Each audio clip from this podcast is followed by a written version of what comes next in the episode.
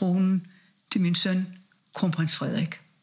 Forbundne, forpligtet for kongeriget Danmark.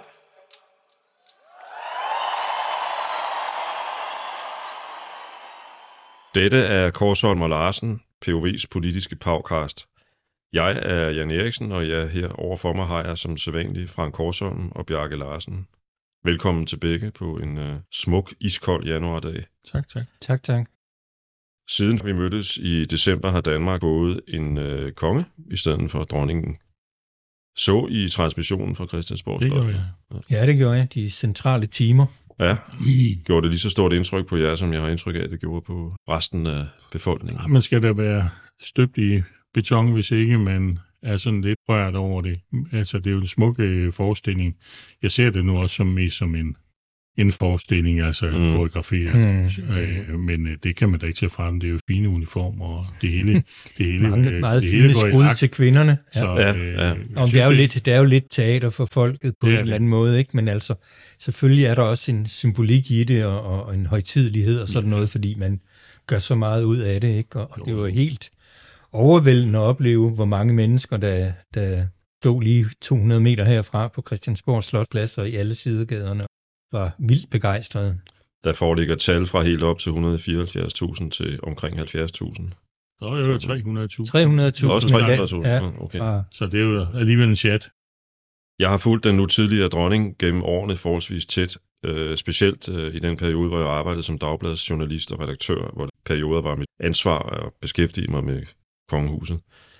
Jeg har indtryk af en dronning, der er interesseret, og formentlig stadig interesserer sig levende for det politiske aspekt af livet.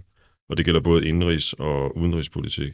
Indimellem øh, har hun jo også fået lov til, øh, om man så må sige, til at komme med nogle ganske vist neutrale, men dog nogle ret skarpe politiske holdninger i, i, i øh, sine nytårstaler. Og det indtryk er sådan set kun blevet forstærket i en artikel på DR.dk om et nyt tv-program, hvor, hvor øh, få Nyrup, Lykke, Torning og Mette Frederiksen fortæller om deres møder med dronningen. Så meget de nu må og kan, ikke? Og jeg ved, nu stiller jeg et spørgsmål. Jeg ved godt, det handler jo om fornemmelser. Det kan, det kan, det kan sådan set kun blive et spørgsmål om fornemmelser. Men tror I, at den nye konge er lige så interesseret, lige så indgående interesseret i dansk og international politik som Margrethe? Det tror jeg ikke, han er. nej, det tror jeg Men ikke. det tror jeg heller ikke, man nødvendigvis skal være. Men man skal jo, når man har en statsminister på, på tomandshånd, så, så går det jo heller ikke at tale om, om det, det sidste AGF-resultat i, i fodbold. Altså, så, så skal der jo være en dialog, en interesse, og, og at, at kronprinsen måske spørger ind til, hvad der er på arbejdsprogrammet, eller hvad reaktionen har været mm. på nogle politiske udspil. Altså spørger neutralt frem, det vil jo være helt naturligt. Jeg tror så bare, at Margrethe har måske haft en lidt dybere øh, interesse for måske også det politiske spil og det politiske indhold, end, end øh, det nye konge får. Ja. At Frederik bliver selvfølgelig, det følger han med, fordi det er en del af jobbet at gøre det, og han bliver så også løbende briefet, vil jeg tro, af, af folk omkring ham, så han er velforberedt, når der kommer spørgsmål og sådan noget, men, men det, det bunder ikke så, så personligt dybt, som det gjorde hos Margrethe, men det tror jeg egentlig ikke gør noget, altså han... Øh, Det står ikke i konstitutionen, han skal gøre det. Nej, altså. han, skal- han skal være konge på sine egne præmisser, ja. og det tror jeg også, han vil blive. Han vil blive øh, mere folkelig, en mere folkelig konge, en mere spontan og umiddelbar øh, konge. Altså, han bliver meget kritiseret for, at han har nogle gange svært ved at svare klart og tydeligt på spørgsmål og begynder at væve lidt i det, men der er også mange eksempler på, at hvis han er, er, er uformel, og, og, og der ikke er sådan en stresssituation, så er han enormt god til at både smalltalke og også lidt dybere snakke med, med folk omkring ham. Altså man kan jo sige, det var det, var det samme, som øh, man oplevede med Poul Nyrup, da han var statsminister, at han blev let meget kajtet, når han stod foran et kamera, og han kunne se, at det var tændt og så videre, ikke? Hvor han privat og uden for, uden for de formelle rammer var en helt anden afslappet og hyggelig person. Ja. Altså hans største udfordring, og det, det er sådan set sagt øh, både sådan lidt ironisk, men, øh, men også alvorligt, det er jo, at der hvor han er offentlig, der skal han passe på, at han ikke falder igennem, dels med noget kommunikativt brøvl, fordi så vil specielt et medie være over ham med det samme, men så også de billeder, man i gang mellem ser af kongehuset i, når Folketinget åbner nytårstaten også, der, der skal han jo være vaks og vågen, der må man ikke sådan signalere ligegyldighed. Nej. Så, øh, så falder pressen sammen, og det er ikke sådan, at monarkiet er, er ved at smuldre nedefra på, på den øh, baggrund, men det bliver måske svært at fastholde det nuværende meget høje, den meget høje opbakning, der er til monarkiet. Ja. Mm.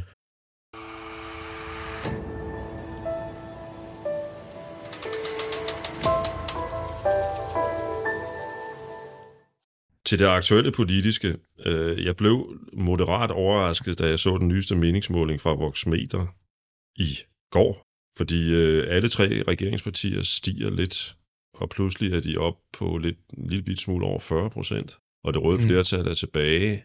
Men lad os i første omgang dvæle ved et af tallene, nemlig Nye Borgerlige, som ligger under 1 procent. Hvad, hvad nu med Pernille Vermund?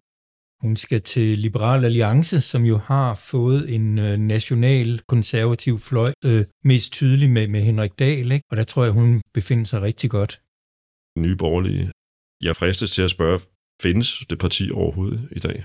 Det findes jo formelt set, men, men i praksis har det jo ikke rigtig eksisteret siden øh, Pernille Vermund første gang trådte tilbage for, for næsten et år siden, og så kom det her totalt kaotiske forløb, hvor Lars Bøje blev valgt til formand, og så blev fyret af, af hovedbestyrelsen efter en eller to måneder, fordi han kom med alle sine ublu økonomiske krav, og Vermund genindtrådte, og siden da har det jo været sådan en kamp op ad bakke med at holde sig over 2% i meningsmålingerne. Og De fik jo seks mandater, men er jo kun to. Ja, i, reelt i, nu, ikke? Og resten er gået, eller er, som, som Peter Seier Christensen, øh, meget alvorligt syg, ikke? der er ikke kommet nogen politiske udspil andet end, at de ligesom har bevæget sig ind mod midten og gjort sig selv lidt mere spilbare. Men jeg tror, at partiet stadigvæk eksisterer om et år, fordi det vil være enormt svært at lukke det. Det kræver to tredjedels flertal på to generalforsamlinger efter hinanden, og det kan de få svært ved at nå, fordi der er altid nogen, der er ivrige efter at holde liv i det, fordi de kan se nogle muligheder for at bevare deres politiske liv. Jeg tror også, det består, og jeg tror også, at den nye formand bliver Martin Henriksen, som jo var meget kendt offentlig person for Dansk Folkeparti i sin tid, altså meget mm. hård på udlændingepolitik, og det er jo det eneste, de har. I virkeligheden er det jo udlændingepolitikken, og, øh, og ikke alt det der skat og grovbarbering af den offentlige velfærd. Han havde klart en profil som udlændingeordfører for Dansk Folkeparti, og mm. kan han kan han genopleve det i, i Nye Borgerlige, og hvorfor skulle han ikke kunne det? Fordi øh, det er jo noget med at stille nogle fuldstændig urimelige og urealistiske krav til udlændingepolitikken. Så, så, så skal der nok være et publikum for det. Altså, det bliver ikke, det bliver selvfølgelig ikke sådan, de brager ind, og, og øh, som øh, Fremskridspartiet gjorde i, i sin tid i starten af 70'erne, men, øh, men er klart de 2%, det, det mener jeg, at det mm. er, er muligt. Der vil altid være en, en yderste højrefløj, ikke? Ja øh, så kan de så fordele sig lidt rundt omkring. Vi har tidligere talt om det, der er jo noget, der tyder på, at de her trolde, der sidder og bombarderer øh, alle mulige mennesker, brugere af de sociale medier med, med gift, at de kan finde noget, hvad kan man sige, et holdepunkt i, i Nye Borgerlige. Som, som Frank sagde, mens vi sad og ventede på at gå i gang, ja. så, så var Rasmus Paludan jo tæt på at komme i Folketinget. Han fik 1,8 procent af stemmerne på, på et program, der egentlig kun bestod i at brænde koraner af rundt omkring i indvandrerkvarterer. Ikke? Øh, og selvom flygtninge- og indvandrerdebatten ikke fylder ret meget i den offentlige debat og i medierne, så fylder den stadigvæk enormt meget hos det lille segment der. Og, og man kan jo se på tallene, at der kommer lige så mange til Europa illegalt, ja, ja. som der gjorde i 15. Ja. Så der skal næsten ingenting til, før ja. det kan eksplodere igen. Og så kan de ryge op på, på 2-3 procent. Og lige syd for grænsen ser vi jo også, at, at den bevægelse øh, har rigtig godt fat. Ikke? Altså, mm. Måske Ja, Hold, i Holland også. Så, ja, vi også sige, at dem, de konkurrerer tættest mod, altså Dansk Folkeparti, de har jo en formand i Morten Messerschmidt, som er øh, lidt ekscentrisk, øh, hvilket det også har, er lidt af en udfordring for Dansk Folkeparti, som jo er den lille mands parti, ikke? og det kan jo være, at den lille mand ser sig mere repræsenteret af Martin Henriksen end af mm. Morten Messerschmidt. Så, øh, jeg, jeg spurgte dem gode chancer for. Så rygterne, og for nu at citere Mark Twain, rygterne ja. om min død er stærkt overdrevne, det mm. gælder også rygterne om det, det er jeg sikker på. Det tror jeg også. Ja. Ja. ja.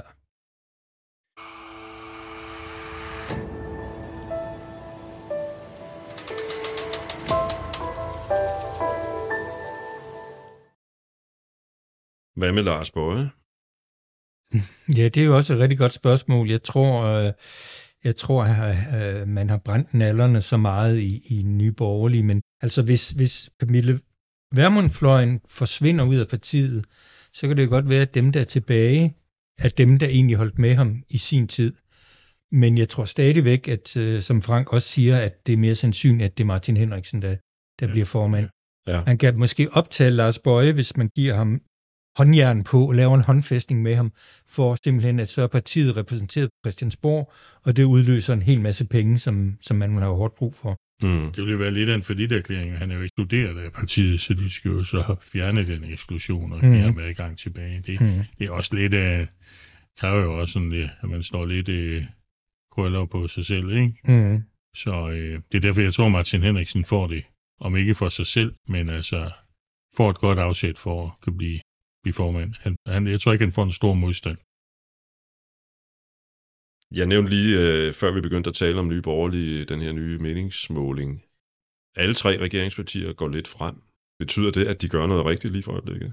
Det, nej, det betyder måske, at der ikke har været noget, de har gjort dårligt i længere tid. Der har været en lang, øh, der har været en lang juleferie, der har været nu alt det her med, med dronningen, og så man kan ligesom sige, at da man lavede øh, SU-reformen og, og, og nogle andre ting, så er man ligesom færdig med alt det, der skulle gøre ondt og nu kan man så begynde på det, som, som måske øh, bliver mere populært, for eksempel den der ældre reform, som, som jo er en klar vindersag, hvis, hvis man håndterer den bare nogenlunde ordentligt, ikke? Jo, hvis nogen forstår, hvad indholdet er i den. Jo, jo, men altså ordene med ja, ja. frisættelse og mindre ja. byråkrati og alle de der plusord, det... Jo, jo, men det bliver dog ikke en periode, en, en fuldstændig fredelig periode med en CO2-afgift. Nej, nej, det er rigtigt.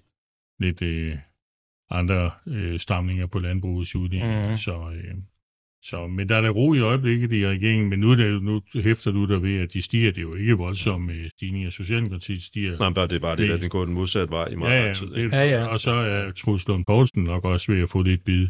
Øh, men det kunne jo heller ikke gå meget værre, end det gjorde under øh, Jacob Hellemann her. Nej, nej. Så, så, så fristes jeg jo til at spørge, hvad er det, han gør rigtigt, Troels? Jamen, jeg tror, han gør det rigtigt, at han, der er tillid til ham. Øh, landbruget havde ikke tillid til Jakob Ellemann Jensen. De så ham jo mere som en grøn minister, en mm, miljøminister, mm. som han jo har været øh, tidligere, og de, de, de, de så ham ikke som landbrugets ven. Altså, de ser sig mere bedre repræsenteret i Troels Lund Poulsen. Det betyder ikke, at Troels Lund kan redde dem fra en CO2-afgift, men de har en, nok en tillid til, at, at han vil kæmpe fra hus til hus, fra hjørne til mm, hjørne, mm, for at det bliver så fair og retfærdigt, og så lille en afgift som overhovedet muligt, og at landbruget bliver kompenseret. Det og at alle pengene kommer tilbage ja, til landbruget det, på det en ender måske måde, ved at være en god forretning for landbruget. Ja. Det, det tror jeg, der er det skete, det skete før i hvert fald. Ja. Det tror jeg, der er tillid til før, ja. Og så er han jo ikke nogen folkeforfører, men, men det, det, er jo, det er, er der jo også plads til, at, at den her saglighed, den en gang imellem vinder over, over det mm. mere, sådan, øh, mere udskejende.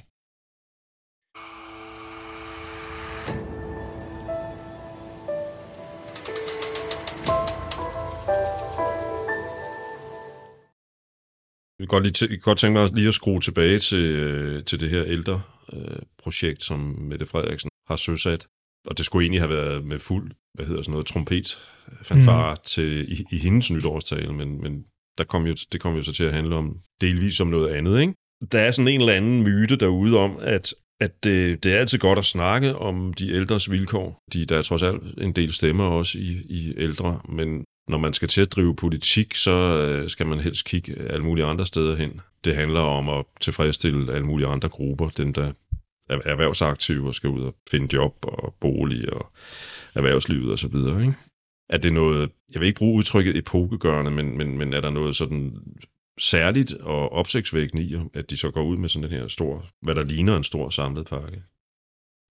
Jeg tror, at det ikke er springbrættet til at komme ind på det som de har snakket om i mange, mange år, altså det frie valg, frit valg til at mm. vælge plejehjem, til at vælge, hvem skal levere maden, hvem, mm. skal, mm. hvem skal levere plejen osv.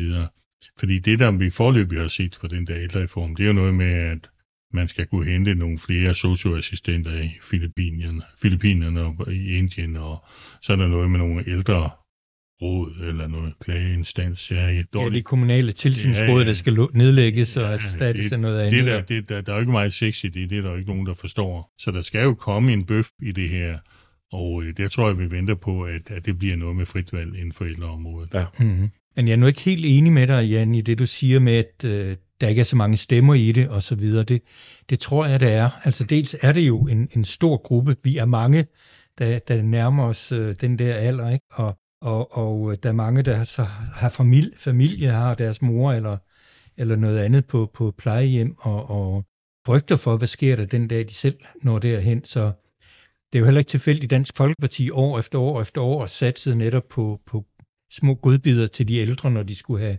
finansloven strikket sammen. Altså, der er mange stemmer i det, og, Ja, der er mange. og der er enormt stor symbolværdi i det der med at, at frisætte det offentlige, selvom det i praksis måske ikke bliver så meget, som det lyder til.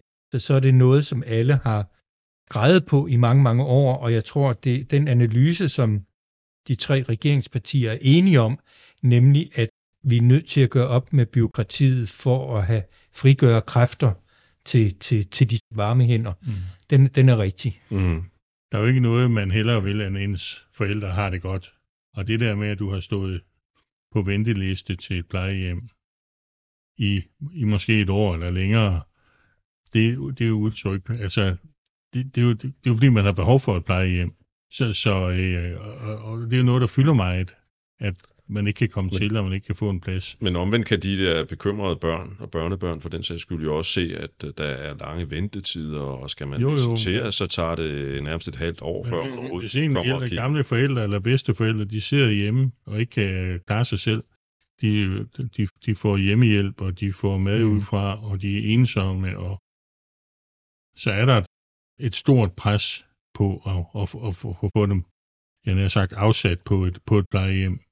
Men øh, hvis det så ikke kan leveres, så, Mm. så er det frustrationerne op. Så jeg tror, det fylder utrolig meget ved med Ja, Mm. hjemme i familierne, Mm. at øh, hvad gør vi nu, og hvem, hvem besøger, og hvad, Ja, lige præcis. hvem tager noget med, og hvem underholder. Øhm, så hvis man kan få løst det, altså virkelig få skabt en forbedring, få reduceret de ventelister, få, få skabt noget frit valg, der også virker, så, så tror jeg, der er noget, øh, så tror jeg, der er point i det.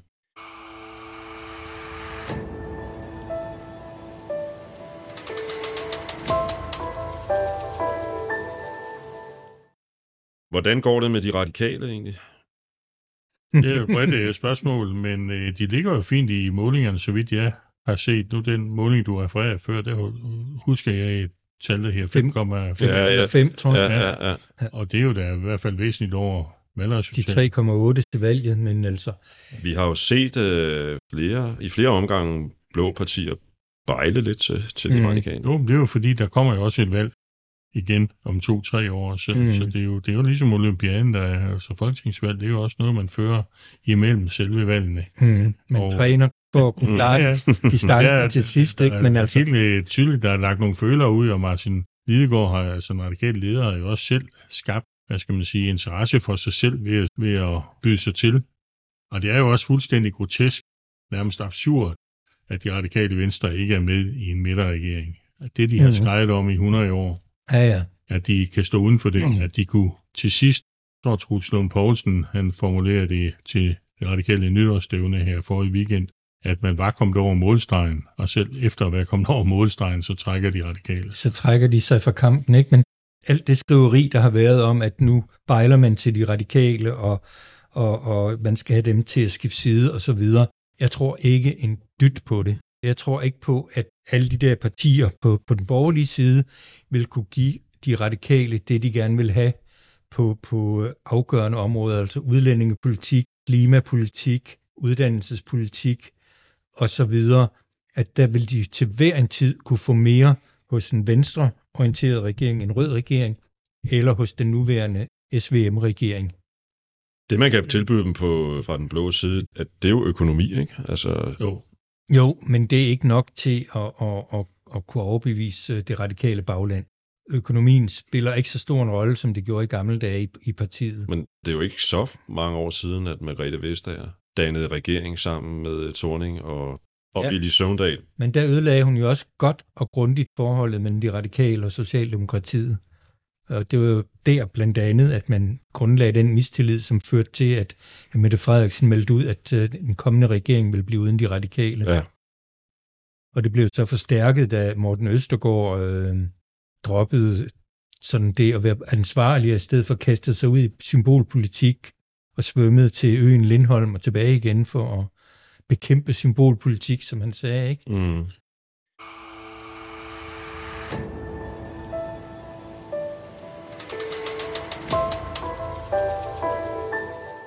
Men altså stadigvæk det interessante er jo det valg, der kommer senest i 2026. Ja. Det kommer sandsynligvis 2025. Det, det er jo, hvis den gamle blå blok igen begynder at få kræfter. Der er også noget tyder på, at, at ja, og så med Pernille Vermunds øh, nedlæggelse, eller i hvert fald udtræden, hun begrunder det jo også med, at de har stået i vejen for en blå regering. Den, det, man kaldte den dyr, altså det, der gjorde den dysfunktionel med de krav, som hun havde. Mm. Så hvis de er fjernet fra den kort, at der ikke kommer et nyt ny borgerlig i Folketinget, så, så, så, så står den blå blok jo meget mere attraktivt. Det er klart, at de radikale vil komme og kræve noget på udlændinge, men jeg tror heller ikke, at dem, der skal støtte en blå regering, det vil nok i givet fald være Dansk Folkeparti, måske også Liberale Alliance, som jeg har svært at se indtræde i en regering. Øhm, Hmm. jeg tror ikke, de vil stille sig i vejen for en ny statsminister i form af, det kunne blive en Lars Løkke Rasmussen. Det kan, Mm. også, det kan også blive en, øh, det, Troels Lund. jeg tror, Lars Løkke Rasmussen måske er noget mere sandsynlig end Troels Lund Poulsen. Dels også, fordi han ligger i det spektrum, hvor han gør, hvor han signalerer midterregeringer måske kan switche over til Mette Frederiksen igen. Men, men man skal jo heller ikke man glemme, at, at så siger øh, Alex Van Opslag, at øh, så kan de radikale få lov til at give den fuld gas på klimapolitikken. Det vil jeg da rigtig gerne se Inger Støjberg lægge stemmer til. Ja, ja. Øh, og og, og, og øh, Morten Messerschmidt har jo udtalt, at han vil hellere dø, end at give, gøre de radikale til minister. Ikke? Altså, Men, men det, det, det er varm luft, alt det der med de radikale. Jamen, Det, det er det. vel noget- Kaldte det blålys, da vi sad og skrev Ja, sådan det er blålys Ja, simpelthen. det- Altså, feberfantasier. Ja, ja. Ja. Jo, jo, men det, det, det er jo rigtig nok, det er svært at forestille sig, at øh, Danmarksdemokraterne skulle, skulle give los på det, og, og øh, Dansk Folkeparti skulle, skulle, skulle kunne støtte det. Men vil de sætte sig imod det? Hvis der er det flertal, hvis der er den mulighed for at danne en blå regering med Moderaterne, altså Lars Løkke, Venstre, Troels Lund og Søren Pape, det er det nok ikke til den tid konservativ, og så de radikale, så tvivler jeg på, at de vil stille sig i vejen for det. Man skal jo ikke glemme, at i nogle minutter på valgaften var det jo faktisk det, der var billedet. Ja, ja. Jo, jo. Og der tror jeg, at vi var meget tæt på, at Lars Løkke var blevet statsminister. Det kan hurtigt, det kan hurtigt komme igen. Altså, han er en, en rev, en snurev. Ja, han kender spillet. Principløs opportunist. Fuldstændig. Ja. Men altså, nu bliver det også spændende at se, hvilke valg de får, fordi øh, de er jo blevet, har fået prædikatet af, af klovnebussen, og hvis, hvis vi skal runde det der radikale af, så er det måske ikke de radikale, som er interessante her. Det er mere den tilnærmelse, der kommer fra de andre partier, altså tingene sådan begynder, hvor man har snakket om det dysfunktionelle blå, så er tingene sådan lige så langsomt ved at nærme sig hinanden. Pernille Vermund har forstået det ved at nedlægge det, den sten, der var i skoen, der hed Nye Borgerlige. Messerschmidt har jo også sagt, at han på det personlige plan er gode venner med Martin Lidegaard, de mm-hmm. Mhm. godt kan lide hinanden. Vandopslag det samme. Så der er ikke noget på det personlige plan, øh, som står i vejen for, at de blå kan finde sammen. Jeg tror, de står i en langt bedre situation, de blå, nu, end de gjorde for bare ja, halvandet år siden. Jo, jo, men altså, jeg vil stadigvæk mene, at det primært er, er at det, som øh, den gamle Uffe Ellemann engang sagde, det er flest taler og billig portvin. Altså, så længe det, det, det, de snakker om det, og det er uforpligtende, så kan man godt tænke sig alt muligt, ikke? Men, men, men konservative, liberale alliancer og radikale lavede også en, en, det, de kaldte en reformalliance, Mm-hmm. KLAR, Mm. Øh, de er kommet med nogle ganske få udspil, som de er fælles om, og på en hel masse andre områder har de stemt hver for sig. Så mere fasttømret er sådan en reformalliance jo ikke. Hvis nu man kigger på det som, som sådan en form for strategispil, og det er politik jo også, hvem er det så egentlig i Blå Blok, der er, hvad skal man sige, facilitatoren på det her? Der er ligesom, det, det, det er ham eller hende, der kan gå rundt til de andre og sådan sige, de siger derovre sådan og sådan, men hvis nu du går med her, så kan jeg måske garantere dig. Ja, der er vel to personer, der er Det interessante. er en opslag den ene, ikke? Og, Støjberg den anden. Ja, ja, ja. ja. Men øh, Og ikke Pape. Søren Pape har vi jo heller ikke hørt noget til i den seneste måned. Det er jo ved at være det faste indslag her, ikke? Altså, Nej. den usynlige partileder. Med de ord, så tror jeg, at jeg vil sige uh, tak for januar. selv tak. Velbekomme. Korsom og Larsen, når vi ses i februar.